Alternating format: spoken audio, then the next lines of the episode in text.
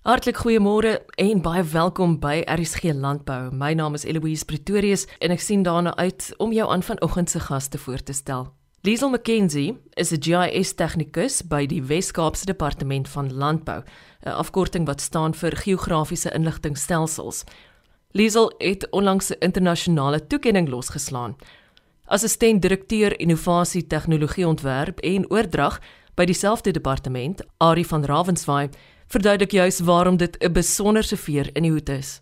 'n Paar jaar terug voor ons toe ons die hommeltuie begin vlieg het, het ek nie gedink ons gaan so ver trek nie. En dit ons verskillende vlieëniers genodig het vir verskillende doeleindes nie. En op die ou end het ons Liesel gekry wat een van die belangrike toepassings doen in navorsing. En Dr. Troutman het net ons per e-pos gevra, hy het gesê hier's 'n kompetisie. Ons het daartoe ingeskryf vir een van DJI se kompetisies vir vrouens in hierdie bedryf. Ons het die video binne 'n dag geskiet Liesel en mm, toe wen ja. ons toe ons hom instuur toe hoor die e-pos en sê geluk ons het ons het eerste eerste prys gewen en dit is 'n internasionale kompetisie. Baie geluk Liesel. Ja, baie geluk Liesel. Dit is werklik waar iets waar op die departement jou kollegas soos Ari en ook vroue in landbou geweldig trots op is. Persoonlik, ek wonder wat dit vir jou beteken het. Ja, ja, ek weet nie eintlik hoe ek gevoel het nie want ek het 'n oproep gekry wat sê jy moet dringend vir Ari bel, daar's fout met die ROC en ek dink o, hemel, wat is fout? En toe terwyl ek nog met die oproep besig was, toe sien ek Ari bel my en toe sit so sin Liesel, daai stem van hom soos in Liesel, daar's fout en ek ek dink o, hemeltjie, wat nou? En toe sê hy vir my nee, jy het gewen. Ek het dit nie geglo nie, dis so sin. Nee man, jy maak nou 'n grap. maar dit was maar 'n bietjie van 'n Dis weird. Ek is nie gewoond aan sulke goed. Wat vir my ook interessant is en ek sê dit met absolute liefde in my hart. Jy is nie 19 jaar oud nie. Jy's ja. besig om op 'n ander stadium in jou loopbaan regtig die nuwighede en die tegnologie te omarm. Terwyl jy dit doen, is jy besig om so groot bydrae te maak. Wat is daai daai kopskuif wat by jou gebeur het om reg betrokke te raak met die hommeltuie? Ek hou van nuwe uitdagings en moenie vir my sê jy's 'n vrou, jy kan dit nie doen nie. Dis so sin. As iemand vir my sê nee, jy mag dit nie doen nie of jy kan dit nie doen nie, ek sal vir jou wys, ek sal dit kan doen. En dit was maar net ja, ek, ek word 53 die einde van die jaar, so dis Susan. Wow. Dit wys net ander mense kan dit doen of jy nou 10 is, okay, sê 18 is en of jy nou 80 is, as jy dit kan doen en jy is nog jonk, why not? Almal vra vir my, waar's my, hoekom gaan ek vir 'n vliegtyg om 'n vlieënier te word? Ek kan eintlik want ek moet net die ure insit. Maar dis die volgende vraag. Jy kan 'n hommeltuie vlieg, wat van 'n vliegtuig? Ek dink nie so nie.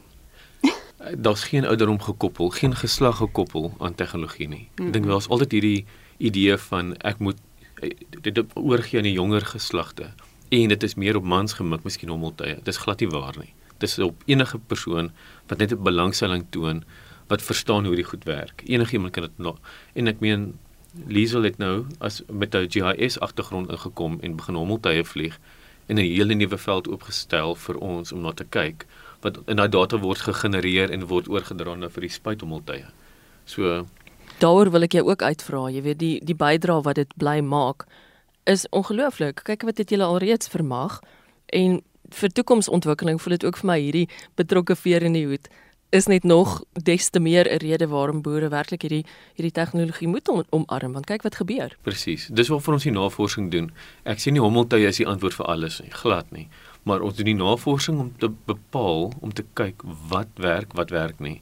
Ons weet dat hommeltuie gaan verseker werk in sekere velde. Maar ons het al klare idee waar dit nie noodwendig gaan werk nie. So ons bepaal nou om te sien waar die multispektrale hommeltuig inkom, wat hy sien, wat ons kan ontleed hoe dit oorgedra word na die spuithommeltuig en wat ons kan spuit, hoe effektief spuit hy? Hoe kan ons minder chemie gebruik? Um moet ons um hoe, hoe werk die tegnologie in terme van aankope uh gebruik in die veld, uh lisensiering en ook dan die persone wat dit moet gaan vlieg en die hele nuwe bedryf wat dit dalk mag oopmaak. Liesel gaan nooit vir my sê nie, maar as jy dalk vir my in jou eie woorde presies kan beskryf wat die toekenning is wat sy gewen het. Die toekenning gaan oor vroue in hommeltuie. Um hulle het dit spesifiek omdat dit nou vroue maand was, het hulle besluit om te sê hulle wil kyk na die vrouens wat binne in hommeltuie in in in hierdie nuwe tegnologie in in in werk. So hulle wil sien wat hulle het gevra vir 'n kort video rondom wat die die tegnologie wat hulle gebruik die, en die toepassing en wie hulle is, 'n bietjie van die karakter wys. En ons het hulle presies gewys wat Liesel doen. Liesel McKenzie is 'n GIS tegnikus by die Wes-Kaapse Departement van Landbou. Ari van Ravenswaai is assistent direkteur innovasie tegnologie ontwerp en oordrag. Plantpatologie navorser ook by die Wes-Kaapse Departement van Landbou. Dr Gert van Koller deel met ons navorsingsresultate wat onlangs op graangewasse gedoen is, asook opwindende projekte wat eersdaags aangepak gaan word. Ons daar's werk wat ons beplan op canola en op koring. Ek sal nou eers gou die canola werk bespreek. Uh my fokus op canola is op swartstam en ons het nou 'n stuk in die vorige program gesê het ons het 'n PhD student wat nou 'n breedvoerige studie daarop doen. Ander groot probleem op canola is natuurlik sclerotinia stamverrotting wat kollega van my Lizet Nouers baie opwerk.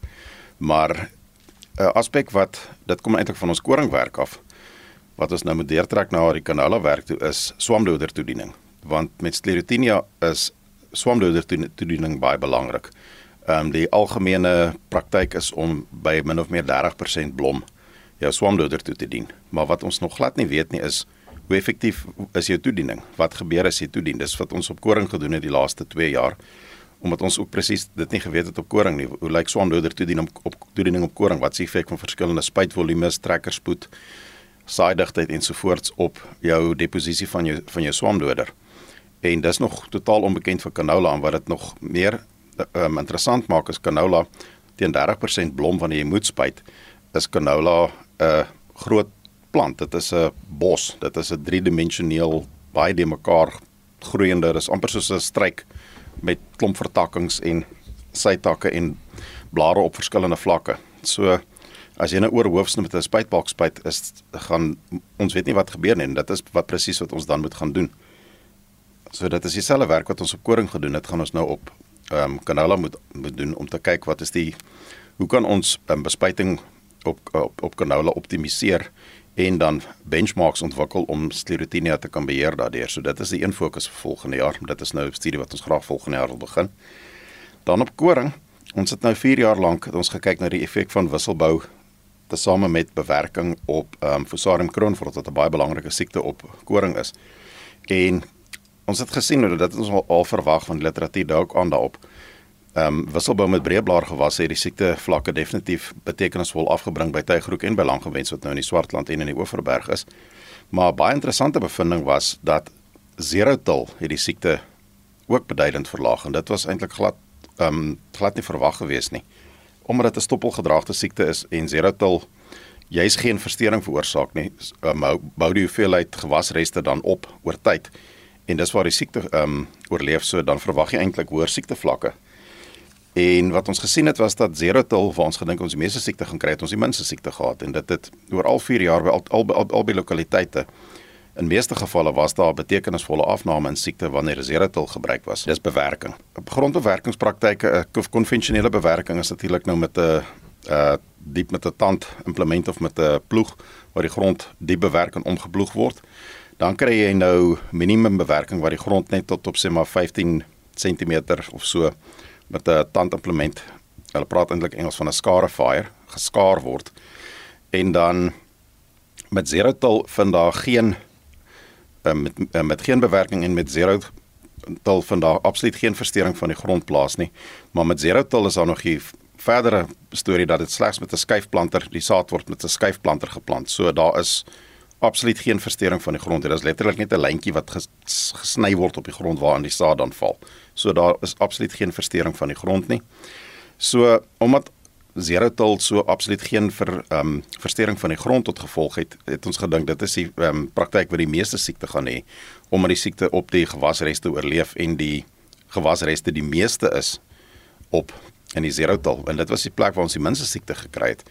So dit was baie interessant geweest. Ons het 'n uh, eh, MSc student Stefan Tron wat baie interessante werk het gedoen het en hy het gesien eerstens twee moontlike redes is by Zerotil. Okay, eerstens ons weet met Zerotil is daar meer vogbewaring van die grond omdat die grond nie um, versteur word nie, is daar meer grondvog wat die binne mate dan die siekte kan die negatiewe effek van die siekte kan oorhelp oorkom.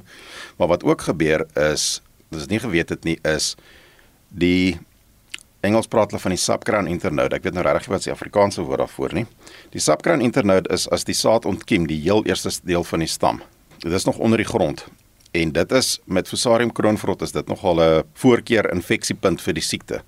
En ons het ek het ons het gedink wat gebeur is omdat die grond glad nie versteur word nie, is die subcrown internode dan nie in kontak met met gewasreste nie wat dan sodoende die siekte dan vermy.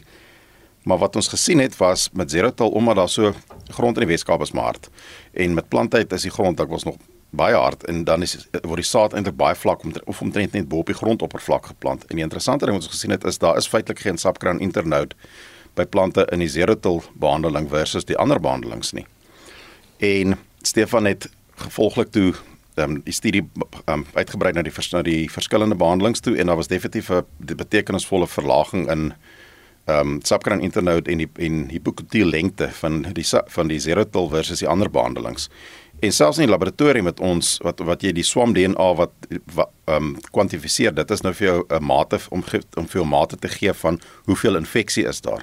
Selfs in die laboratorium kon ons baie akkuraat bevestig die Zerotal behandelde plante het beduidend minder infeksie as die ander plante. So dit was nou baie interessant geweest. So, ons weet Zerotal, dit is nou bevestig as eintlik die beste praktyk hier in die Wes-Kaap om die siekte te beheer in uit 'n uh, bewerkingsoogpunt gesien en natuurlik nou ehm um, wisselbou met breëblaar gewasse. So die volgende fase van die projek gaan nou wees om te kyk na meer wisselboustelsels. En dis waar Dr. Johan Strauss se wisselbouproewe nou baie aandag in plek kom want hy het wisselbouproewe die hele provinsie vol.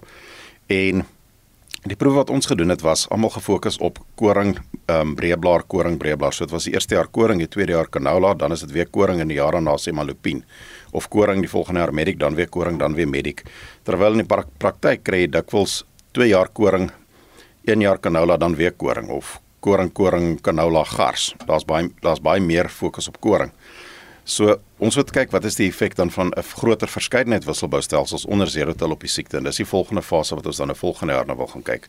So ons nogal baie opgewonde om te sien wat ons daar gaan vind En dan die laaste ene was gewees op ooragtige meeldou het ons ook saam in werk samewerking met Dr. Johan Labeskagni 'n proef gedoen wat kyk het na die effek van saaidigtheid en stikstofpeile. Hulle het nou suiwer gekyk na die agronomie van die werk van van van die praktyke. Wat is die voordelige wat se effek op op opbrengste en op um, duisend korrelmassa en proteïene nou en al daai goeters.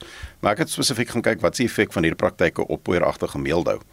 Ons het verwag dat die hoër saai digthede wat ons het gekyk van 80 plante per vierkante meter tot 240 plante per vierkante meter. Ons het verwag dat die hoër saai digtheid omdat dit 'n digter blare dak het wat meer transpireer as al meer vog en dit gaan dan 'n beter klimaat vir die siekte skep. Ons verwag ons gaan meer siekte in die hoër saai digthede kry. En belanggewens oor 2 jaar se data het baie duidelik gewys saai digtheid het geen effek op die siekte gehad nie en dit was suiwer stikstofbemesting geweest was daar geen stikstofbemessing is nie, dan was daar feitelik geen siekte gewees nie. Onder was net maar 6-7% insidensie wat baie laag is. Maar onder ehm um, 60 en 90 kg stikstof per hektaar het die, het die siekte tot meer as 60% insidensie opgeskiet. En dit het baie baie duidelik oor 2 jaar se data uitgekom. Nou stikstof kunsmispryse is besig om deur die dak te skiet. Dit is dit maak dit vir produsente baie moeilik en ons Wat is die rede daarvoor? Daaroor kan ek nou net spekuleer dat nie net maar die agronome en die ekonome veral gaan vra. Die ek dink die oorlog in Oekraïne gaan natuurlik ook 'n groter rol daarin al hoe meer speel. So produsente gaan moet regtig begin kyk aan om meer peelgewasse in hulle stelsels wat stikstof bind in te bring om sodoende um, natuurlike wat sien natuurlik is eintlik maar natuurlike stikstof deur um, rhizobium bakterieë en so wat dan gebind word sodoende jou stikstofvlakke in die grond op te bou sodat jy minder chemiese stikstof in te in te bring. En dit is eintlik nogal 'n interessante volgende topik wat ons wil kyk na is wat is die effek dan van hoe lyk die siektevoorkoms op plant op op koring as dat die byvoorbeeld die vorige jaar mediek was en daar natuurlike stikstof in die grond is versus 'n koring monokultuurstelsel waar daar heeltyd chemiese stikstof moet ingevoeg word.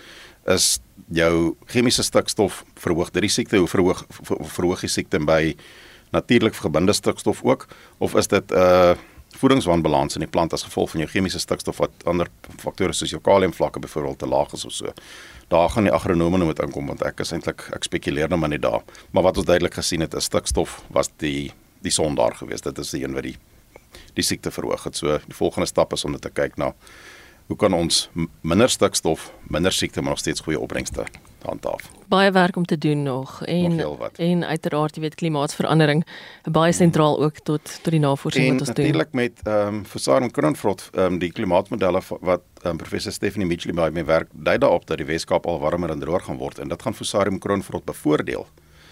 Versarm Kronfrot word erger onder warmer en droër toestande. So die goeie nuus eintlik daar is dat jou zero-till-behandeling is 'n bewaringslandboupraktyk wat volg bewaar en ons gesien het dit die siekte verminder. So dis 'n baie stukkie baie goeie nuus daai. Dat bewaringslandboupraktyke juis dan die spesifiek zero-till dan juis die siekte siekte kan verminder. So in die toekoms gaan dit al belangriker word. My e-posadres is gert.vankoller. Dit is V A N C O L L E R @westerncape.gov.za. Plantpatologie navorser by die Wes-Kaapse Departement van Landbou, Dr Gert van Koller. Hierdie asook al ons ander programme is beskikbaar op www.elsenburg.com. Kuier gerus daar om enige wat jy moontlik gemis het af te laai. Môre om kwart voor 12 het ek en jy weer 'n afspraak om landbou sake te bespreek en daarna sien ek baie uit. Ek is Eloise Pretorius en ek groet jou. Tot dan.